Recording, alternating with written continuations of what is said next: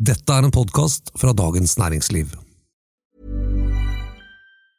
Hey, I'm Ryan Reynolds. Recently, I asked Mint Mobile's legal team if big wireless companies are allowed to raise prices due to inflation. They said yes. And then when I asked if raising prices technically violates those onerous two year contracts, they said, What the f are you talking about, you insane Hollywood ass?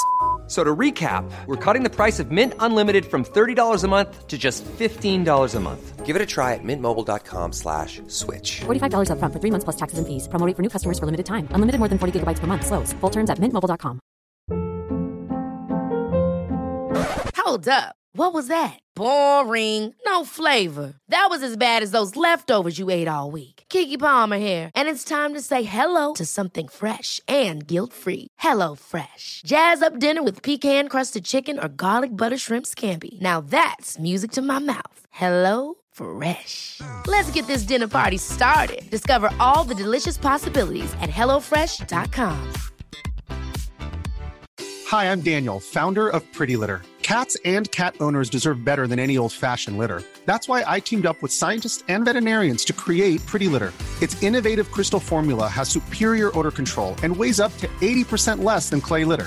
Pretty Litter even monitors health by changing colors to help detect early signs of potential illness. It's the world's smartest kitty litter.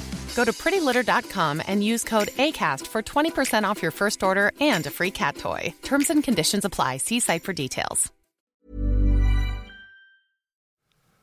Høyres kamp mot formuesskatten fortsetter, i hvert fall på papiret. Hans Christian Gabrielsen døde brått natt til tirsdag. Hva slags egenskaper bør en LO-leder ha? Dette er den politiske situasjonen. Med Fridtjof Jacobsen og Eva Grinde.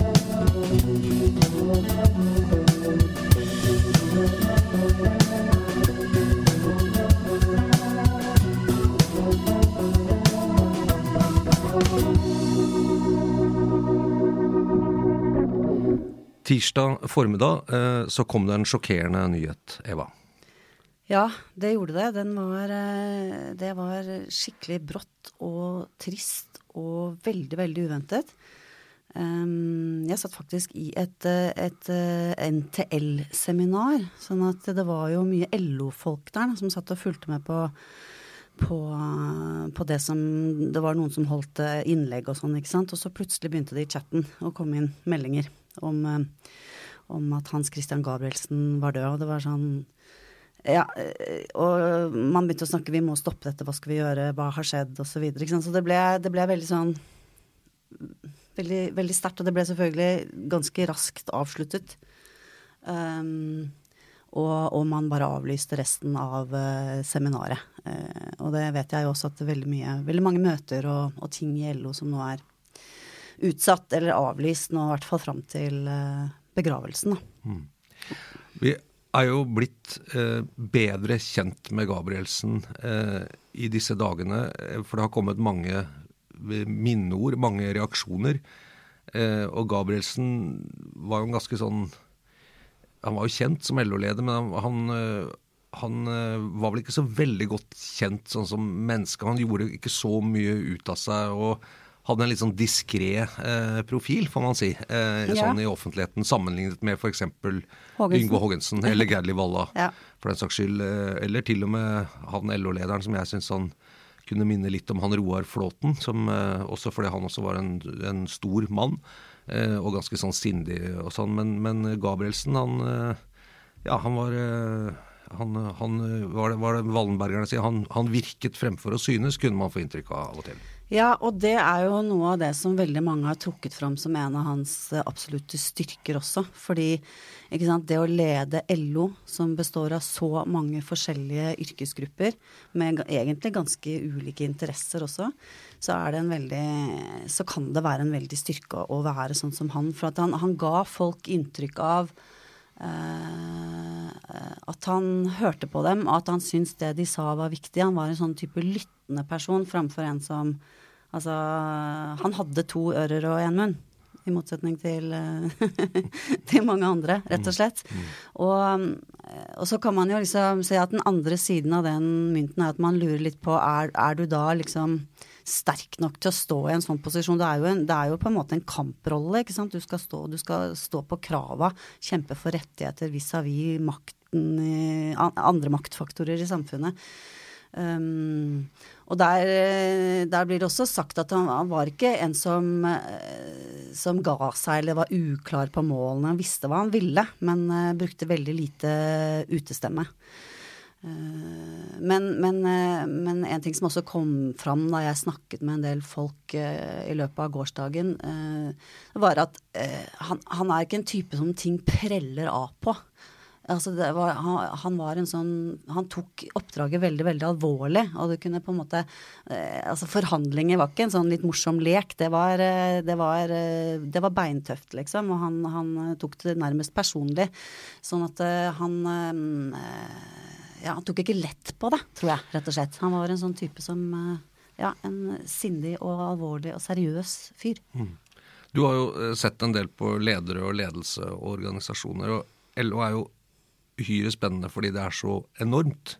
Altså det er en million medlemmer, eh, men ikke bare det. Det er jo også noen eh, veldig store eh, mulige interessekonflikter og motsetninger eh, internt i bevegelsen. Og selvfølgelig eh, i en så stor bevegelse som er, går over hele landet, eh, organisasjon, så er det også mange muligheter å sette i gang på en måte små bål rundt omkring og opprør og sånn. Og i LO har det jo du har jo en ganske kraftig nei til EU og EØS-fløy, eh, som vi har sett eh, popper opp med å truer med vedtak om å, å, melde Norge ut av EØS, f.eks. på Fellesforbundets årsmøte.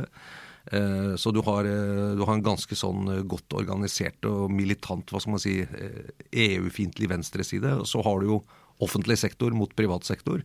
Eh, med Fagforbundet og Fellesforbundet da, som de to store.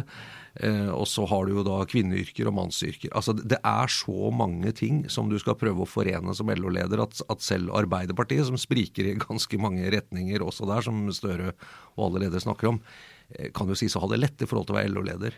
Og så skrev du at du trodde Gabrielsens personlighet var på en måte skapt for å lede en sånn organisasjon, men hvordan da? Nei, jeg tror eh, i hvert fall det som jeg har, har hørt folk si, er nemlig er en, en, en, sånn klar oppfatning at han greide å, å tale de ulike grupperingenes interesser, da, uten å For jeg tror jo noe av clouet med å være LO-leder, det er jo å stå beinhardt på denne norske modellen, ikke sant, og trepartssamarbeidet og frontfagsprinsippet.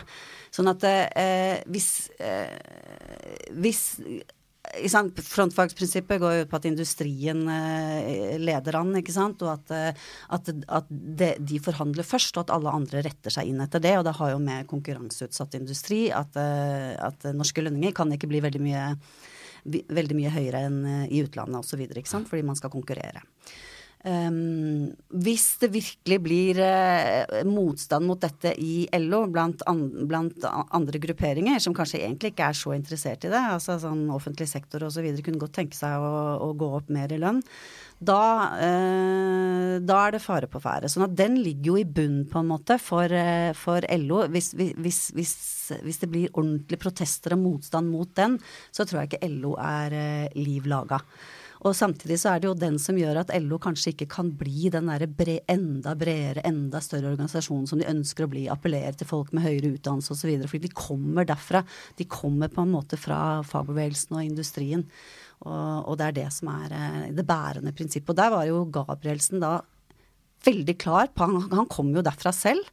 Samtidig som han hadde en måte å være på overfor de andre gruppene som gjorde at de oppfattet seg sett. Og han kjempet også deres uh, saker. Mm. Eh, F.eks. denne, denne ostehøvelpolitikken i offentlig sektor som LO-medlemmene har vært veldig imot. ikke sant? Hva gjør det med, med vår beredskap og osv. Mm, eh, mm. En god del sånne ting som han uh, tok opp. Ja, ABE-reformen. Ja, ABE. Mm. Imagine the softest sheets you've ever felt. Now imagine them getting even softer over time. That's what you'll feel with Bowl and Branch's organic cotton sheets. In a recent customer survey, 96% replied that Bowl and Branch sheets get softer with every wash. Start getting your best night's sleep in these sheets that get softer and softer for years to come. Try their sheets with a 30-night guarantee. Plus, get 15% off your first order at bowlandbranch.com. Code BUTTERY. Exclusions apply. See site for details. Hey, I'm Ryan Reynolds. Recently, I asked Mint Mobile's legal team if big wireless companies are allowed to raise prices due to inflation. They said yes. And then when I asked if raising prices technically violates those onerous two year contracts, they said, What the f are you talking about, you insane Hollywood ass? F- So to recap, we're cutting the price of Mint Unlimited from $30 a month to just $15 a month. Give it a try at mintmobile.com slash switch. $45 upfront for three months plus taxes and fees. Promo rate for new customers for limited time. Unlimited more than 40 gigabytes per month. Slows. Full terms at mintmobile.com. Ever catch yourself eating the same flavorless dinner three days in a row? Dreaming of something better? Well, HelloFresh is your guilt-free dream come true, baby. It's me, Kiki Palmer. Let's wake up those taste buds with hot, juicy pecan-crusted chicken or garlic butter shrimp scampi. Mm. Hello Fresh. Stop dreaming of all the delicious possibilities and dig in at HelloFresh.com. Let's get this dinner party started.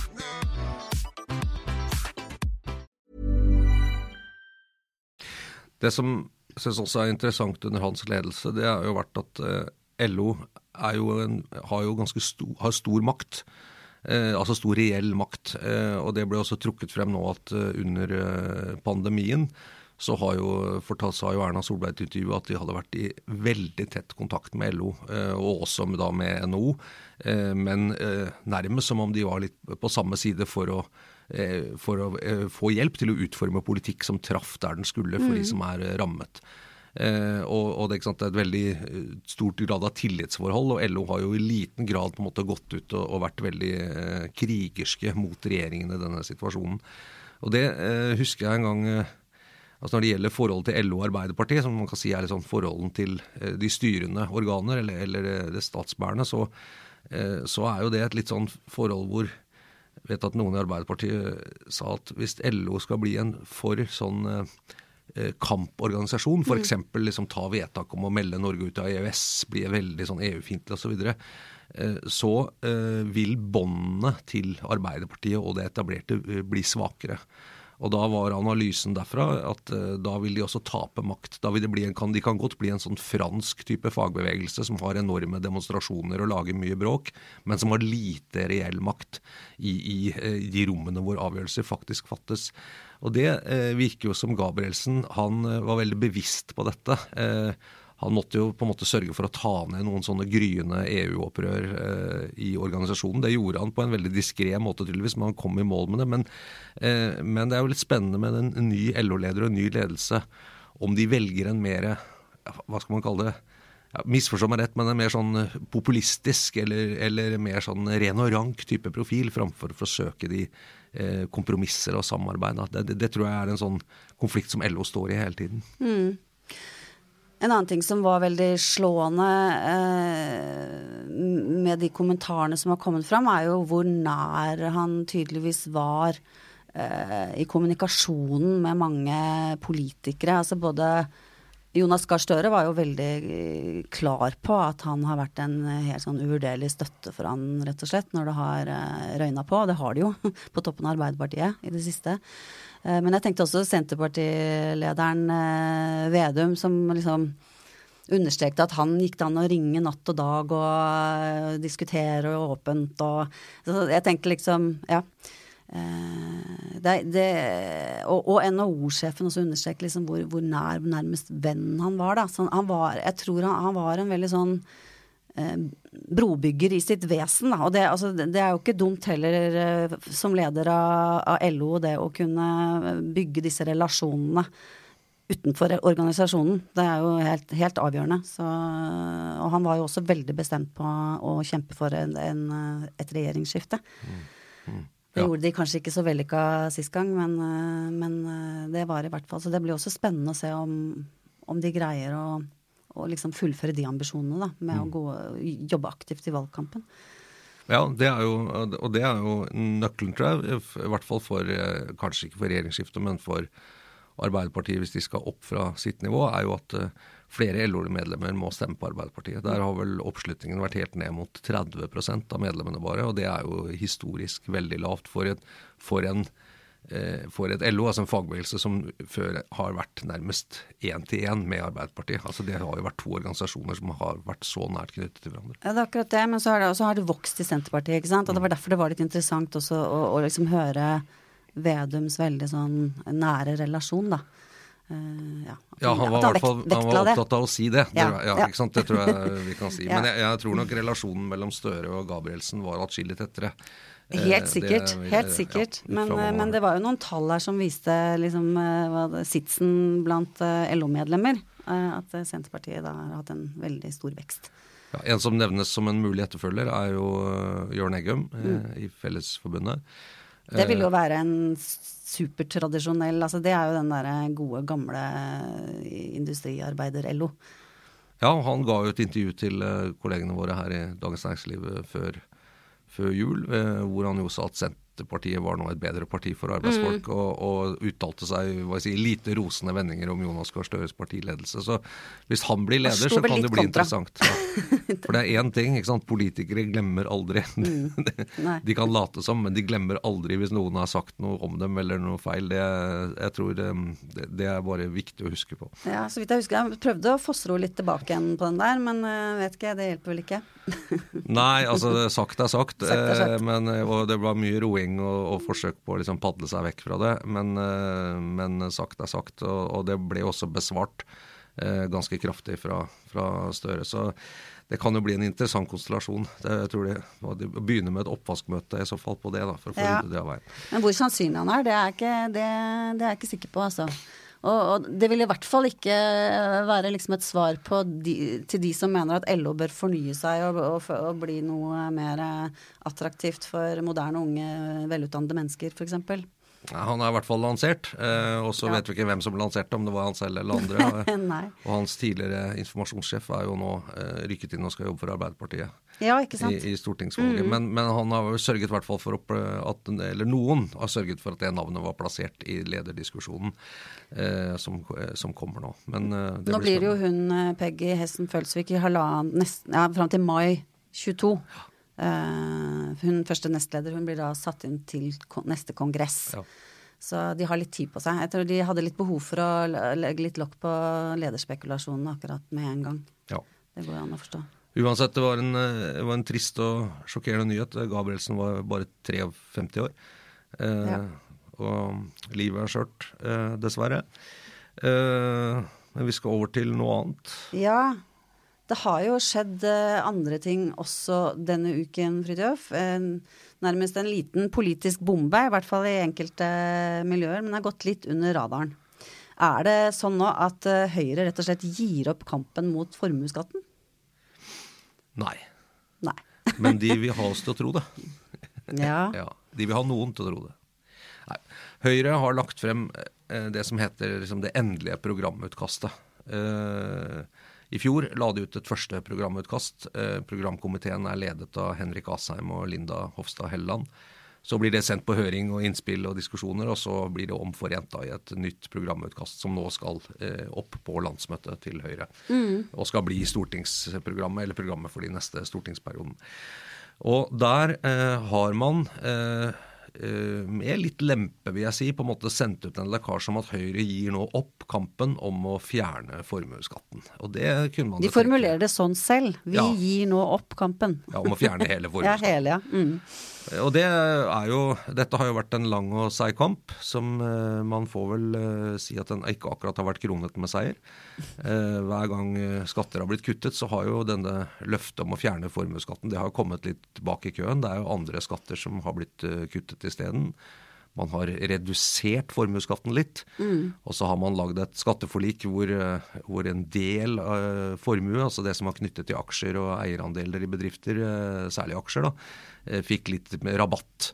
Eh, men å fjerne hele formuesskatten, det, det, har ikke Det har vært snakk om det, og veldig klare krav og sånn, men det har jo aldri på en måte vært uh, omsatt i, i praksis. Og, og, når man har kuttet i det, i hvert fall da man satt i regjering med Frp, så eh, valgte man vel så mye på en måte å fjerne eller heve dette innslagspunktet. Dvs. Si at eh, den brede laget av befolkningen, de som sitter med nedbetalt eh, hus eller hytte eller den type vanlig formue da, som vanlige folk har på, på skatteseddelen når du kanskje kommer opp i en viss alder. Det gikk opp til 1,5 million, ikke sant? Ja, ikke sant? Fra Så et eller annet.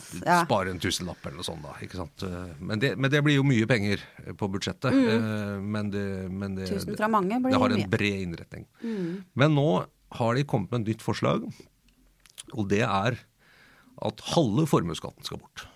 Eh, Og da har de sagt at eh, det det skal skattes av formue nå, er hytter og hus og bankinnskudd. Eh, og det vet vi hvem som har, det er, det er mye pensjonister eller eldre folk. Mens hvis du har pengene dine plassert i aksjer eller eierandeler i bedrifter, så er det null formuesskatt på det. ja, arbeidende kapital kaller de det. Arbeidende kapital, det mest, absolutt mest fantasifulle eh, begrepet som er funnet opp for å kvitte seg med en skatt. Men det, ble, det, det var hele Stortinget enige om som begrep da, i 2016. Ja, altså Det var, det var veldig fint å kunne skille mellom de to der, eller det var en viss forståelse for det, da. Ja, og du kan si at, eh, at arbeidende kapital eh, det dukker litt opp fra kanskje en liten bedrift eh, har f.eks. et stort lager av ankerkjetting som man må bokføre ved nyttår. Eh, og det kan jo da være verdt en del millioner kroner. Det er vanskelig å omsette ankerkjetting fort. Ja, eller det ligger, det ligger på lager, da, Ja. ikke sant, og er på vei ut. Eh, og en kjettingbedrift er jo nødt til å ha en del kjetting på lager som kan leveres, f.eks. i Nordsjøen. Eh, og hvis den bedriften da er en eh, familieeid bedrift eller en enmannsbedrift, så blir det ført som en formue, verdien av disse ankekjettingene. Og så kan man si, og da blir det skattet av. Så sier man ja, det er jo håpløst, fordi at eh, Tenk om jeg ikke tjente så mye penger da på dette i år, så skal likevel så skal jeg ha en skatt bare fordi jeg har noen varer, ikke sant, eller noe jeg har lagd.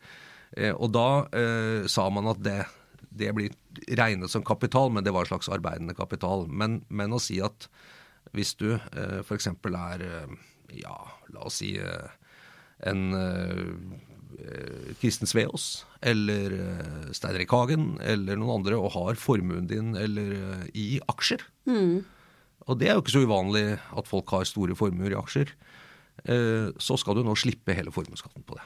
Eh, og det er det er det så da, da tror jeg da bruker man dette lille familiebedriften som har på en måte en sånn skatteteknisk utfordring, til å gi et massivt skattefritak for de med store formuer plassert i aksjer og verdipapir. Og hvis de trodde at eh, de skulle bli kvitt et politisk problem da, ved å si at nå gir vi opp eh, kampen mot formuesskatten, så gikk jo det veldig dårlig. Altså det var vel eh, Arbeiderpartiet var oppe på talerstolen i Stortinget med en gang og lurte på hvorfor all verden Høyre ønsket at uh, Exit-gutter skulle få null skatt på sine aksjer.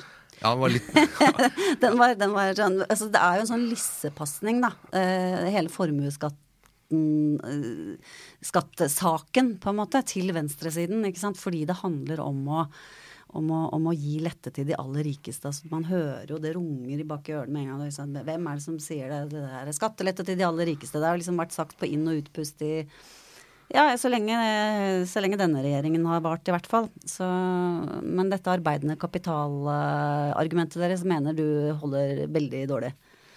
Nei, altså, alle, alle skatter har jo en nedside men, men, øh, og effekter, men, men altså akkurat denne formen for skattekutt eh, hvis man deler formuesskatten på en måte i to og sier at eh, sju milliarder av den skal vi slutte å innkreve, men de siste sju skal vi ta inn, så, så vil jeg, tror jeg, hvis man bare plasserer det, så vil man si at her vil du ha kanskje at altså, veldig stor del av dette skattekuttet vil tilfalle de 100 til 1000 rikeste menneskene Ja. i Norge. Altså, de, vil- de vil få en veldig stor del av de 7 milliardene i skattekutt. Eh, mens eh, de som sitter med formue i de lavere greiene, men som kan være mange mange, mange tusen mennesker, kanskje en million mennesker, de, de vil fortsette å betale. Og Da er du inne i egentlig ikke så veldig mye sånn hva slags impuls gir og sånn frem og tilbake, men inni det som er jo kjernen, jeg mener det er liksom kjernen med skatt, nemlig eh, skatt er jo, er jo noe helt grunnleggende i forholdet mellom eh, de styrende og de styrte.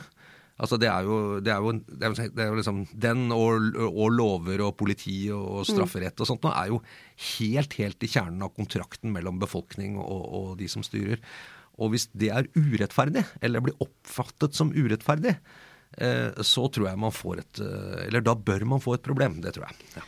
Ja, det, det, problemet tror jeg vi kommer til å se. Men jeg tenker at uh, Høyre eh, er jo ikke i prinsippet imot skatt på formue. Men altså, noe argument, Hovedargumentet for akkurat denne formuesskatten handler jo om at den er særnorsk.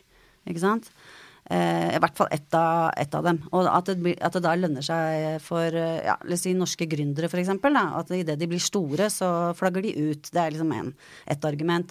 Og også at utlendinger i Norge har det bedre med, med å eie aksjer enn en nordmenn har. ikke sant? Og at vi utkonkurrerer oss selv da, med en sånn eh, sær Eh, skatt. For det var også noe argumentet Høyre brukte nå. da, At uh, vi dropper den uh, ene halvparten av formuesskatten fordi vi ikke har på plass det alternativet enda. Mm. ikke sant? Så det er jo litt mer sånn sammensatt også. Det er ikke bare Eller sånn, det er det jeg mener med at det blir jo rått utnytta ikke sant, av, av, venstresiden med tanke på at Høyre er noen, noen jævler som vi tar fra de fattige og gir til de rike. ikke sant? Mens det kan også handle om innretningen. da og at man ikke har på plass noe annet.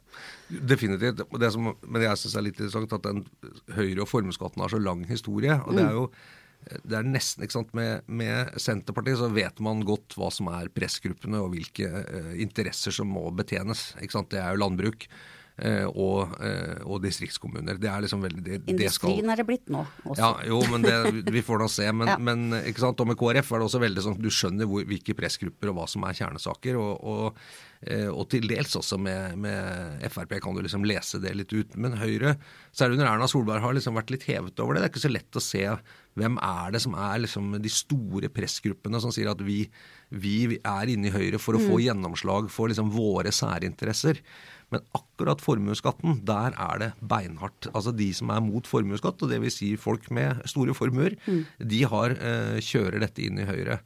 Eh, og det har de gjort lenge, med, med vekslende hell. Eh, men de har fått på plass dette begrepet arbeidende kapital, som er vil si, Jeg tror ikke man finner det i så mange økonomiske lærebøker, det får vi høre med noen av kollegene om. Det er, det er et politisk begrep. Ja, det er visst det. Ja.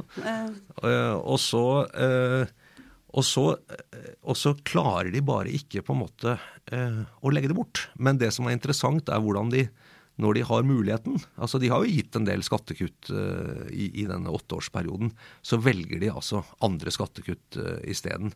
Eh, men de er nødt til å klare Men nå har de da isolert det til uh, ved å liksom ta vekk alle på en måte vanlige formuer da, for, for, pensjonister og hytteeiere og, det som havner på skatteseddelen din, eller hvis du har en bolig i en norsk by som er, kan være, er nedbetalt og du kjøpte for 30 år siden. Eh, så har jo den steget så mye verdi at den kan gå inn og slå inn i formuesskatt. Så, så, tar de ut det og på en måte bare nå betjener den pressgruppen, som er ganske at Den har jeg sett i aksjon. Eh, og Den er ganske intens. Spesielt på Vestlandet er det kjøret mot Høyre beinhardt i denne saken. Ja.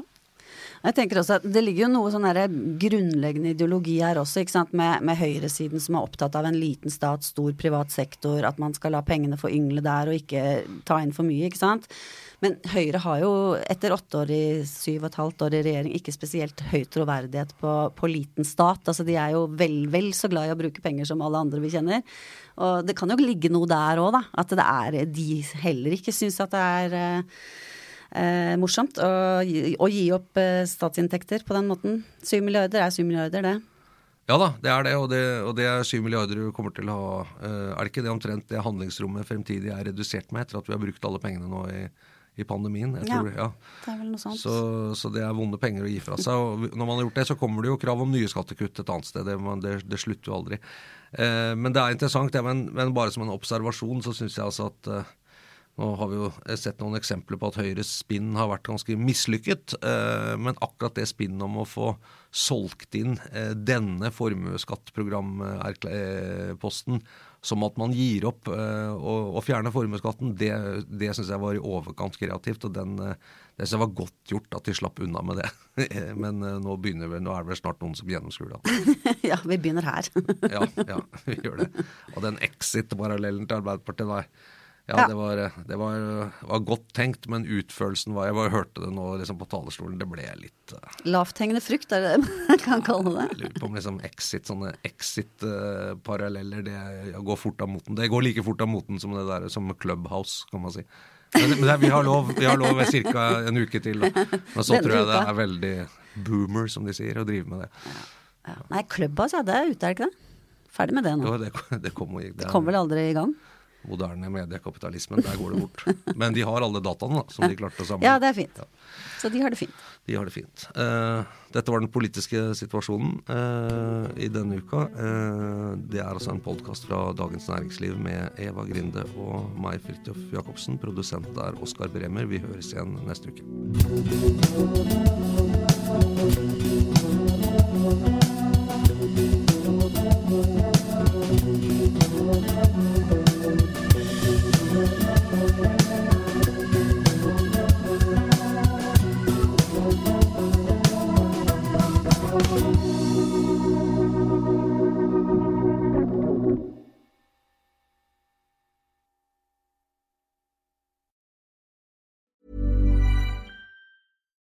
It's Paige DeSorbo from Giggly Squad. High quality fashion without the price tag. Say hello to Quince. I'm snagging high-end essentials like cozy cashmere sweaters, sleek leather jackets, fine jewelry, and so much more. With Quince being 50 to 80% less than similar brands. And they partner with factories that prioritize safe, ethical, and responsible manufacturing. I love that. Luxury quality within reach. Go to quince.com slash style to get free shipping and 365 day returns on your next order. Quince.com slash style. Hold up. What was that? Boring. No flavor. That was as bad as those leftovers you ate all week. Kiki Palmer here, and it's time to say hello to something fresh and guilt-free. Hello Fresh. Jazz up dinner with pecan-crusted chicken or garlic butter shrimp scampi. Now that's music to my mouth. Hello Fresh. Let's get this dinner party started. Discover all the delicious possibilities at hellofresh.com.